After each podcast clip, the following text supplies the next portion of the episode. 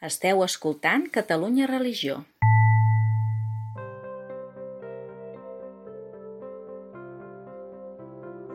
Benvinguts a la sessió del març d'aquest curs del Club de Lectura en Fe de Llibres. Com sabeu, és l'espai que Catalunya Religió dedica a comentar els llibres triats pels lectors que participen del nostre club.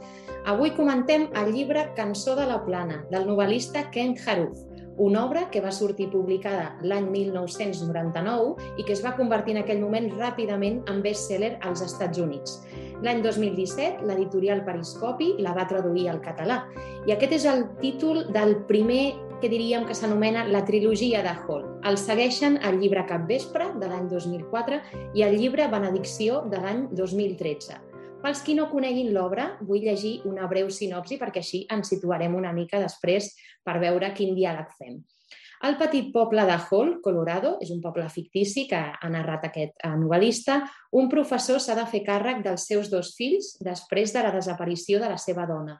També una adolescent embarassada és rebutjada per la seva mare i es veu obligada a buscar refugi. I dos germans solitaris d'edat avançada que viuen en una granja dels afores veuen com el seu dia a dia s'altera sense remei quan decideixen acollir un hoste inesperat. Doncs aquesta és la sinopsi del llibre que comentem avui. Obrim micros i preguntem què ens ha semblat la novel·la. A mi m'ha costat d'entrar. Al principi no, no li agafava el fil i no estava, vaig estar a punt de plegar i tot perquè no m'agradava. Però quan vaig ser cap a, al cap d'uns quants capítols, quan vaig ser cap al mig, i vaig agafar... Me va agradar molt i al final em va saber molt de plegar, perquè vull dir que, que s'hagués acabat, vull dir que mm, molt bé, eh? vull dir que sí, sí, me va molt bé. Tenim avui uh, opinions confrontades. Eh? Jo també confesso que el llibre m'ha agradat com a, com a narració, però m'esperava més, potser. No sé si és que estem acostumats en aquest club de lectura a llibres o molt intensos o molt durs, que són els que llegirem a continuació al mes d'abril, però és veritat que potser la normalitat sembla mentida, però ens costa. I és, com diu el títol, Cançó de la Plana, jo trobo que és una narració molt plana, però això jo crec que no és negatiu, eh? li hauríem de trobar potser aquest punt. A veure, em sembla que hi ha opinions favorables d'aquest llibre jo ja m'havia llegit. Eh, I, de fet, he llegit tots els d'ell. Mm, és un llibre senzill sí, i pla, sí, sí, realment, com el títol diu, en aquest cas, el, el títol del primer volum d'aquesta trilogia. I és un, un llibre de, de la vida quotidiana, però de fa temps. Clar, evidentment, hi ha coses que dius, ostres, això ara ja no... Eh, però a mi em va enganxar des del primer moment i recordo que quan vaig acabar vaig dir, bueno, doncs el segon, i després el tercer, i després els que no són de la trilogia tots són de la mateixa tònica, algun és una mica més dur, és veritat, eh, però sempre són amb aquest, no sé, amb un vocabulari planer, amb un senzill, proper, i de la vida, per mi em recorda la vida diària, de les coses mm. que et passen en un poble, mm, o inclús en una ciutat gran, però de les històries que et trobes amb els veïns i amb, els, amb les famílies i amb, i amb, amb els nanos d'una escola i, el, i reconec que sí, que ara m'ha tornat a llegir, perquè no el tenia, ara me l'he comprat, aquest no el tenia justament, i, i m'ha tornat a llegir tot i m'ha tornat a agradar. Sí que és el que dèiem, eh? eh? és un llibre, diríem, aparentment senzill, tot i que escriure la vida senzilla no deu ser fàcil, perquè sempre potser intentem buscar trames molt complexes, no? o inclús a la ficció doncs, ha de ser alguna cosa rocambolesca i complicada, i potser vendre una idea com normalitat, la quotidianitat, doncs no hi estem avasats, no? Eh, sobre en una societat on busquem constantment novetat i estem hiperconnectats a tot, doncs potser costa més. Um, ara, sí que és veritat que quan en el club de lectura, quan intentem pensar en els temes que ens susciten les lectures, en aquest cas, a part de parlar de la quotidianitat, jo sí he fet uns temes, un llistat de temes que sí surten. Uh, però no sé, quins temes diríeu, ara que teniu una mica fresca la lectura, quins temes es tracten en aquesta novel·la? A veure, surten les relacions amb una escola, amb un institut, en aquest cas, les relacions entre els companys, eh, una mica de bullying, mm. surt les relacions familiars, quan un dels membres de la família tontolla i, i no, està, no està bé, i com se n'en surt l'altre amb els seus fills, el despertar de l'adolescència, eh, el què passa quan una adolescent es queda embarassada, i a mi em sembla, em reconec que en aquell moment no ho podia creure, que quan ho vaig llegir el primer cop, el tema dels dos germans grans sí. que viuen en una granja uh -huh. i que s'avenen a acceptar la noia embarassada, a viure amb ells quan la mestra els hi demana. Uh -huh. jo, jo ho vaig llegir com dos coses pensant, això no, això no sé si passaria. mm, però com ells, que són rudos de caràcter i un caràcter i que sempre han viscut per les circumstàncies que explica el llibre, per això no farem un spoiler, però bueno. Bueno, malauradament a les novel·les vida, passa, sí, sí. Han viscut sols tota la vida entre vaques i allunyats del poble i són capaços de veure una necessitat d'una persona, acollir-la, eh, acompanyar-la, entristir-se quan aquesta persona desapareix Mm -hmm. No faig l'espoiler del segon llibre, que continua una mica en ah. aquesta línia. I, I, a més, com integrar la família i acompanyar-la sense cap tipus de... Perquè, clar, dos senyors grans amb una noia jove, embarassada, i arriba una criatura i, com diuen ells, nosaltres no sabem res de tot això. Mm -hmm. com, com es crea un vincle, no? El vincle que es crea. A mi aquesta part em va semblar excepcional. Uh, ara, justament, la Navera està parlant dels germans Mac Macferon o Macferon, no sé com es pronuncia. No he dit el nom perquè no ho sé dir. Bueno, jo me'ls he apuntat perquè si no sí que és veritat que hi ha personatges. Hem de dir que, mm, bueno, almenys la meva opinió, sí que l'autor, amb la facilitat per, crec, d'escriure els personatges tant que te'ls acabes imaginant. Això que has dit, no? Rudes, tal, rurals, grans i dic, jo crec que tots, si haguéssim de dibuixar-ho, um, convindríem que és un personatge. És aquesta gran creativitat que quan passes una novel·la al cinema, doncs quan el personatge està ben triat en el càsting, penses, és aquest, me l'imaginava així. Doncs és veritat que l'autor en això és, és brillant. O sigui, fa una descripció molt natural, però que amb, amb trets molt, molt concrets t'imagines aquesta persona.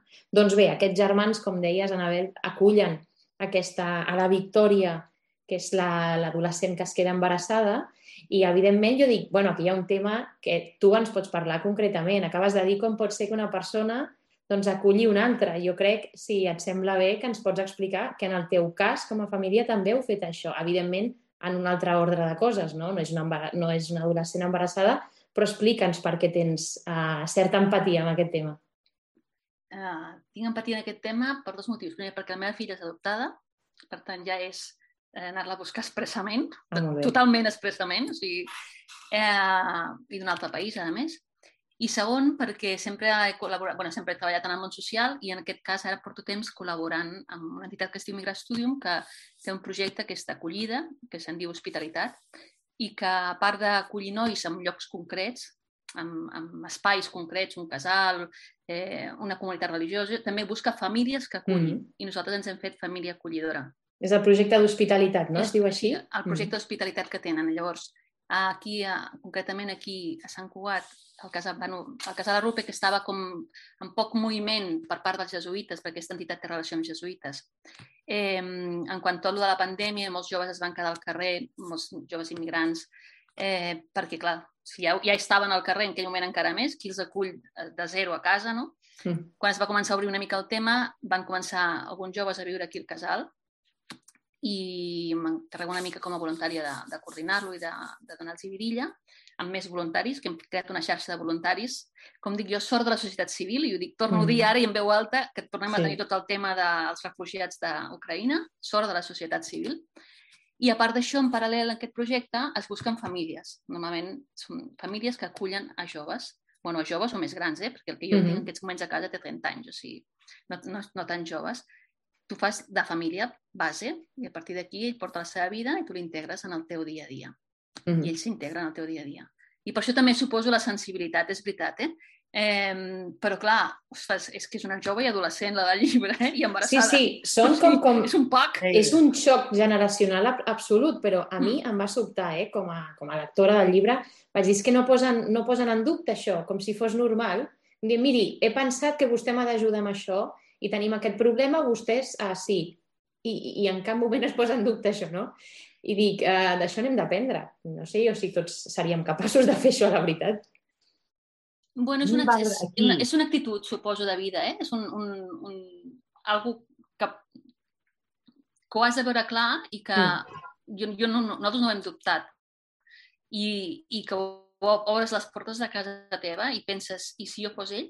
Jo penso en les mares d'aquests nois. Per exemple, majoritàriament són nois, els que acompanyem mm. nosaltres, i penso en les mares d'aquests nois. I a vegades m'ensenyen els vídeos de les seves mares. Mira, mira la meva mare, mira la meva mare. I me'l presenten que no pot parlar perquè majoritàriament parlen, parlen qualsevol altra llengua que no sigui la teva. Però penses, la, aquesta mare, si aquest noi l'ha explicat les famílies que estem acompanyant i tot això, què deu pensar, no? O quina tristesa deu tenir perquè s'han anat als països. Mm -hmm. O que contenta deu estar també pensant que ara mm, no substitutius de mares, evidentment, però persones però algú que els, cuida, que els estan clar. acompanyant. Mm -hmm. Sí, sí. Mari Carme, què anaves a afegir?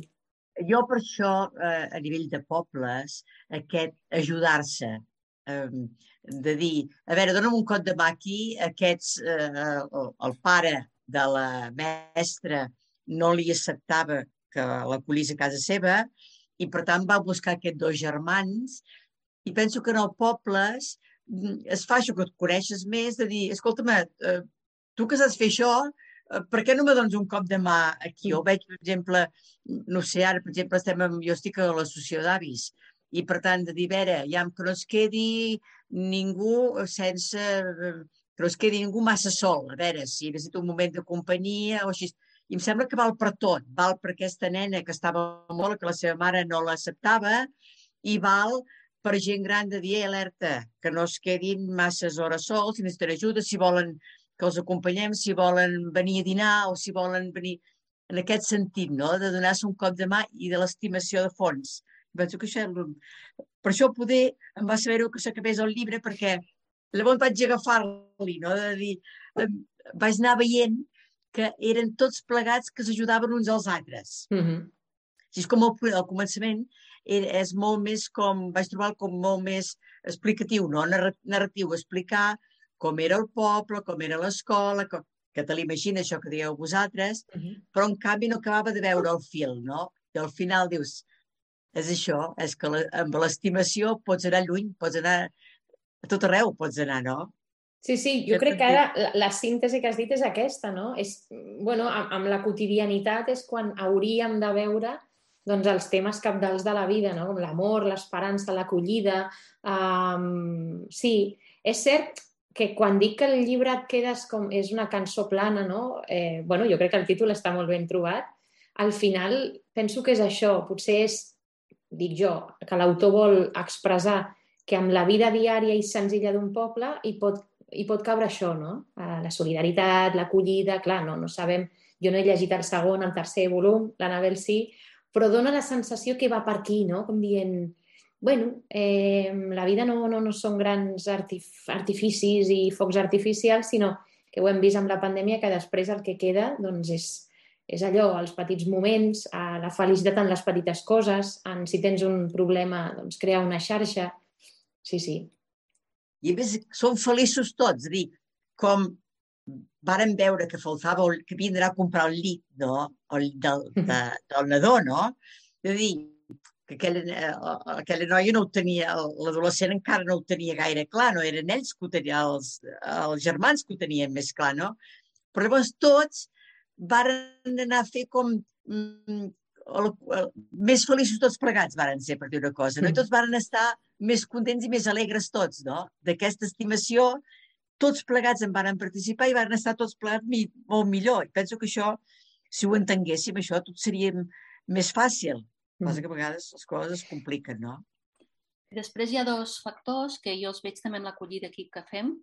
És un, el deixar-se ajudar, entendre que, o sigui, que necessita ajuda la noia i que igual amb els nois acollits que, o qui sigui amb les famílies que puguis acollir, el deixar, per molta necessitat que tinguis, no tothom té la cultura de demanar ajuda i acceptar aquesta ajuda.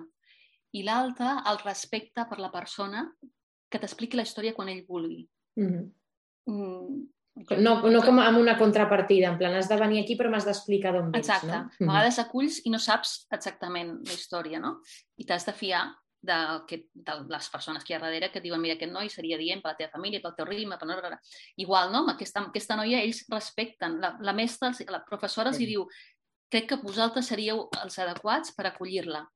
Però ells que diu, que passen, la noia diu, passen els dies i no en parlen, però ells deuen tenir la mateixa sensació, que ella tampoc no els parla.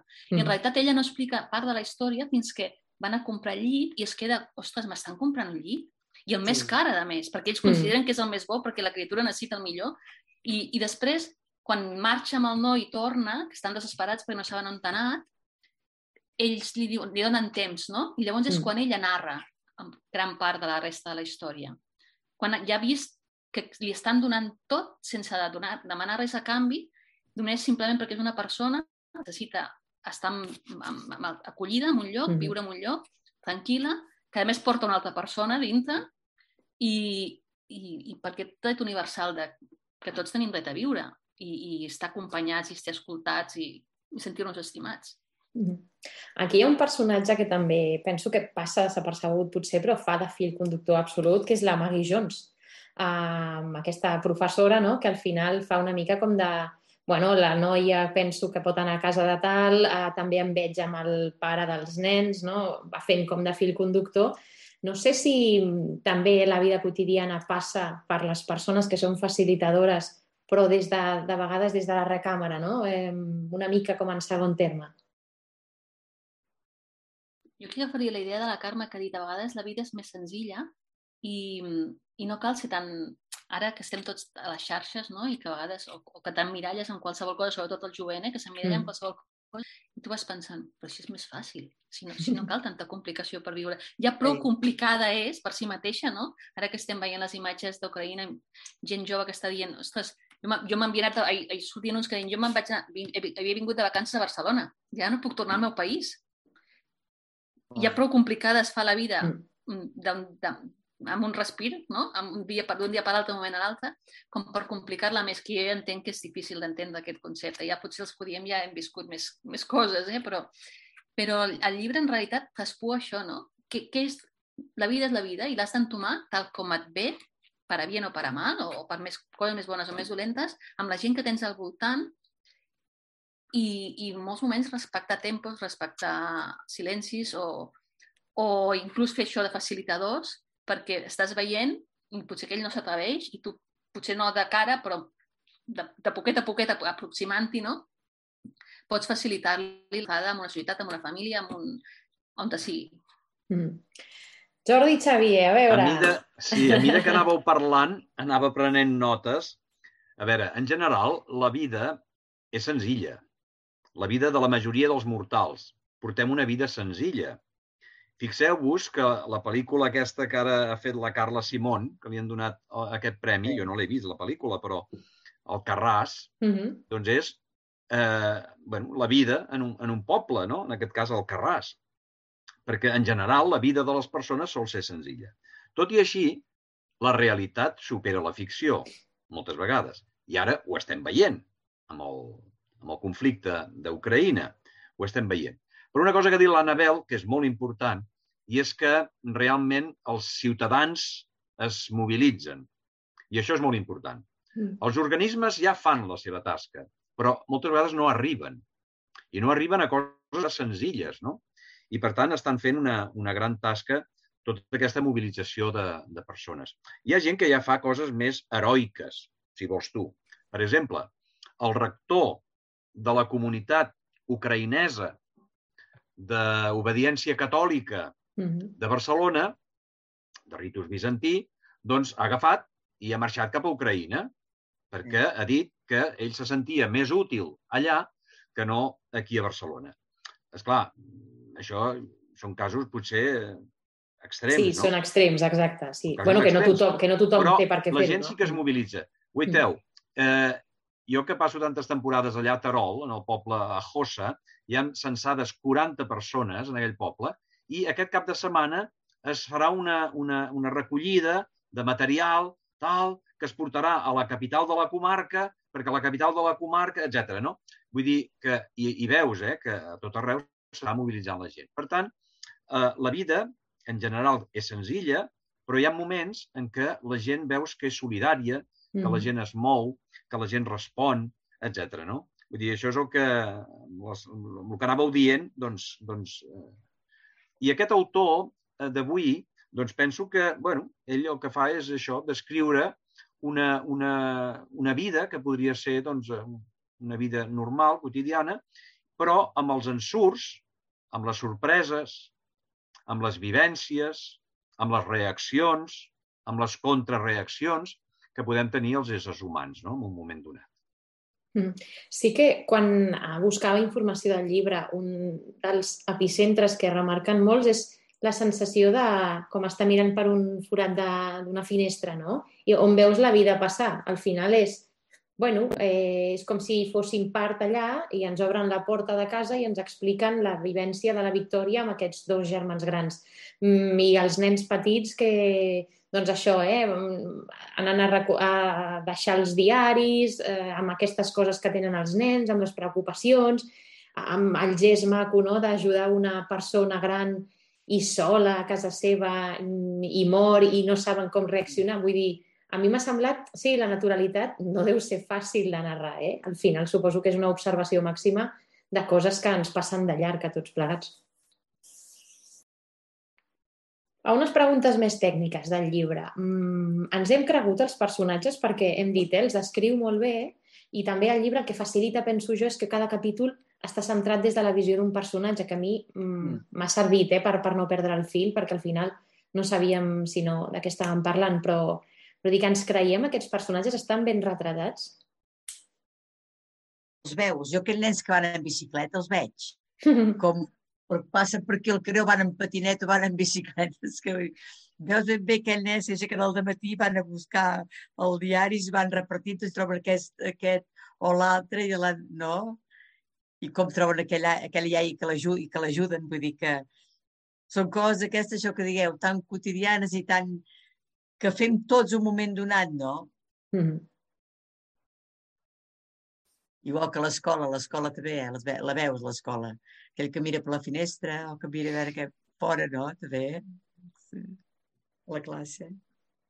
Jo penso que les professions que va arribar a tenir l'autor, que va tenir totes les professions de l'auca... La vida si por haver, sí, sí, sí. Doncs suposo que això també, eh, esclar, vull dir, ell va viure moltes, en molts ambients i en moltes circumstàncies molt diferents, però, però d'una vida quotidiana, no? I que, per tant, això suposo que va ser la font on ell va, veu, va veure per després poder tra traspassar en els seus llibres aquestes vivències, no?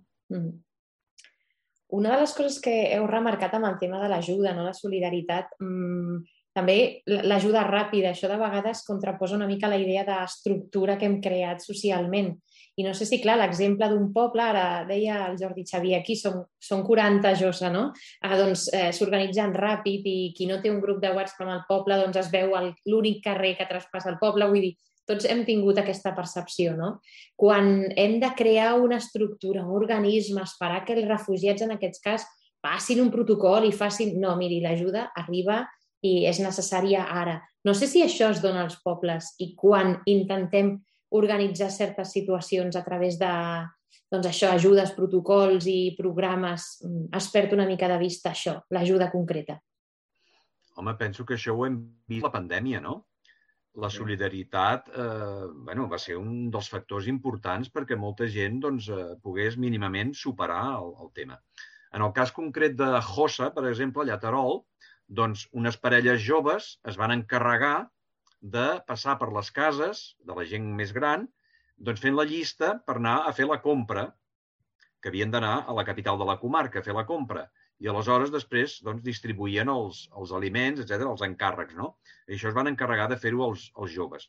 Eh, això és molt bonic. Però tot això va ser espontani. Això no va mm. ser l'Ajuntament, no va ser un organisme superior que els va dir el que havien de fer. Van ser ells que espontàniament... Per tant, la solidaritat en, en, en aquests casos surt, no? que això és molt bonic i molt important. Clar, en el cas de la Victòria, aquest personatge és així. O sigui, una adolescent embarassada, la mare la fa fora i jo m'imagino aquí, doncs, bueno, serveis socials, ara fem un, fem un informe, busquem quin és el millor lloc, però mira, en aquesta novel·la, doncs el millor lloc és una cosa recíproca, dos germans que estan totalment aïllats de, de la vida, en realitat, eh, que tenen la seva manera de fer, que no és dolenta ni bona, sinó és la seva, però és única, on contraposes dues generacions i jo crec que és mutu el que, el que reben, no? que de vegades sempre pensem en, en els que ajudem, els, estem, els estem ajudant i jo crec que hem de, hem de trencar una mica aquesta visió. I què t'emportes tu mateix no? d'aquesta experiència? El llibre ho deixa clar. No sé, Anabel, si les següents, eh, tota la trilogia va una mica en aquesta línia, sense fer-nos així grans spoilers. Sí, el, sobretot el següent sí, segueix amb la mateixa línia. Mm. Sobretot el, el següent llibre. Sí, sí. Tots, tots els llibres, eh, en realitat, tenen moments en què hi ha... O sigui, són al mateix entorn, evidentment, eh, i sempre hi ha algú que ajuda amb algú. I sempre hi ha la solidaritat del poble, o no la solidaritat del poble, i Mhm. llavors a veure qui reaccionarem, eh, tots amb aquesta línia. Sembla que ho tenia bastant com, com molt clar, que era una necessitat humana, no? El, el, frec, frec, el frec a frec i, el, i la intervenció amb el veí que tens al costat.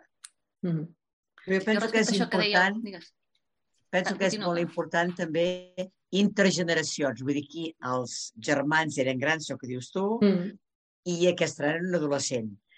I penso que eh, el dia a dia és importantíssim que es trobin eh, totes les generacions, perquè estem acostumats a dir aquí van a la guarderia, allà van a primer, allà van eh, mm, eh, els de 14 anys, llavors van els avis, això, no? En canvi, la interrelació aquesta ajuda a tothom, als petits i als grans. Mm. Vull dir que aquí estem fent alguna activitat entre avis i escola i va de primera. I els nens estan encantats i els avis també. Vull dir que... I penso que és una cosa que ens falta, perquè tenim, tenim una ciutat molt muntada per compartiments. Mm. I aquesta interrelació ens ajuda a tots, si ho sabéssim fer, si ho sabem fer. Ell, ell com a autor ho fa a tots els llibres, eh? d'alguna manera intergeneracional i el tema d'ajudar algú amb algú. Hi ha algun, hi ha algun llibre amb una situació bastant dura i, i que, que, te, bueno, que no pares fins que te l'acabes aquell eh, i que realment també és qui ajuda amb qui i què està passant, no? Què està passant i, i qui... Jo volia dir una cosa amb això que deia el, el, el Jordi i també tu, Carme, que deies em, la intervenció, no? que en quin moment intervens quan hi ha una situació de necessitat. En el món social això ha sigut una discussió, bueno, i continua sent una discussió del dia a dia. I passarà igual ara amb... bueno, ja veig que està passant igual amb el tema dels refugiats d'Ucraïna. La societat civil està ajudant molt, però, aviat, inter- però també en paral·lel... O sigui, una discussió en el sentit de dir què faríem sense la societat civil? Què faríem sense els voluntaris, sense el voluntariat, a l'espontaneïtat aquesta? Però, per altra banda, des, de les, eh, des dels organismes i des de les administracions no, de qualsevol país, perquè tots, més o menys amb això són iguals, com deies tu, no? Aquí hagués intervingut entre serveis socials i la noia ja no sé si estaria amb el fill, o ja no, per suposat aquesta acollida no s'hagués fet, i, Ja. t'ho dic ara, però en canvi és una acollida que, que és molt bona, per lo que teori, almenys, almenys sobre paper, no? I probablement, si ens la imaginem, perquè la descriu molt bé, podria sortir, sortir molt bé. Però sempre hi ha aquesta dicotomia, no? Per una banda, els que, quan veus la necessitat, s'actua, que és la societat civil, i no hi pensa, hi ha una necessitat, actuem, i per l'altra, la intervenció de l'administració, que també hi ha de ser, però que comença a posar protocols, papers, informes, anàlisis, que quan, com, quan estava més actiu jo, la frase sempre era quan arribin ja s'ha mort. Així tal qual, perquè clar, quan acabin de fer els informes, quan acabin de... O deien, no, aquest noi demà té una entrevista de feina, i tu els hi deies, "Mm, perdona'm, aquest noi viu al carrer, no té on dutxar-se, no sé què, si tu no em facilites, jo no li puc dir que demà té una entrevista de feina. Per, dir, per, per posar un exemple qualsevol, eh? jo que sé, els, el, molts dels projectes que últimament han sortit justament de voluntariat a nivell de Catalunya, que són els que més coneixem, o almenys que conec jo, jo que sé, l'Hospital de Campanya eh, va sortir així. Se l'ha criticat per activa i per passiva, que això no pot ser, que no sé què, que no aquesta espontaneïtat, que l'únic que crea és que hi hagi més gent, i és veritat, en un moment determinat hi va anar gent que no necessitava ajuda, que eren simples turistes, um, però, bueno, tot arriba, i si no arriben a actuar en aquell mateix moment, mm, molta gent que és mort al carrer, sense menjar, sense dutxes, ara hi ha infermers, hi ha metges, ha... O sigui, aquesta dicotomia o aquesta, això, el dia a dia de la nostra societat també l'hem d'incloure o saber incloure en les nostres persones i en les nostres accions, no? de dir, valorar les dues coses, però no perquè no tinc aquell paper formulari que m'ha de donar l'administració, deixar d'actuar. Sempre trobant una espècie d'equilibri, eh? sense passar-se, sense fer coses histriòniques, també ho haig de dir, eh? que també n'hem vist algunes, i bastantes, però sense passar-se de la ratlla, en, en la naturalitat, amb el sentit comú, amb el seny per davant, a vegades has de poder actuar tu com a persona i després ja hi ficaràs l'administració, o ja s'hi anirà entrant l'administració perquè si no, la gent continua tenint necessitat de menjar, de dutxar-se, de viure, de casa, de- d'escola, de, de salut.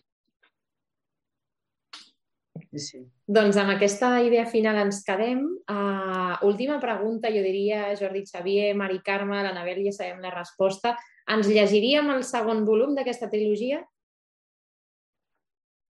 Jo penso que... Jo em sembla que si tal com he acabat aquest, sí. Ja el que explica l'Anabel encara podria haver Oi que sí? Jo també ho he pensat. Dic, ara vull saber què passa. No us vull enredar, després si no us agraden ja m'ho direu. Però... Aquestes... Molt bé. Dona, però ens has parlat tan bé que... Però van amb la mateixa línia, eh? amb la mateixa calma, el mateix llenguatge. Bé, però estil- confiem en el teu, que arriben en el cor. teu bon criteri. No, no, això. També m'agrada la novel·la negra, que ja ho he dit també. Sí que... Bueno, a, a veure si el 5 d'abril, que és la nostra propera, uh, diem el mateix del segon llibre. Uh, us recordo des d'aquí, és el llibre de la llarga caminada, amb el 5 d'abril. Aquesta vegada no és el primer dimarts perquè ens, ens pilla just uh, en altres dies, sinó el 5 d'abril. I, I res, moltes gràcies per l'estona i ens veiem aquí, al podcast d'En Fe de Llibres. Gràcies. Molt bé, Gràcies. gràcies a vosaltres. Gràcies a vosaltres. Adéu-siau. Catalunya Religió.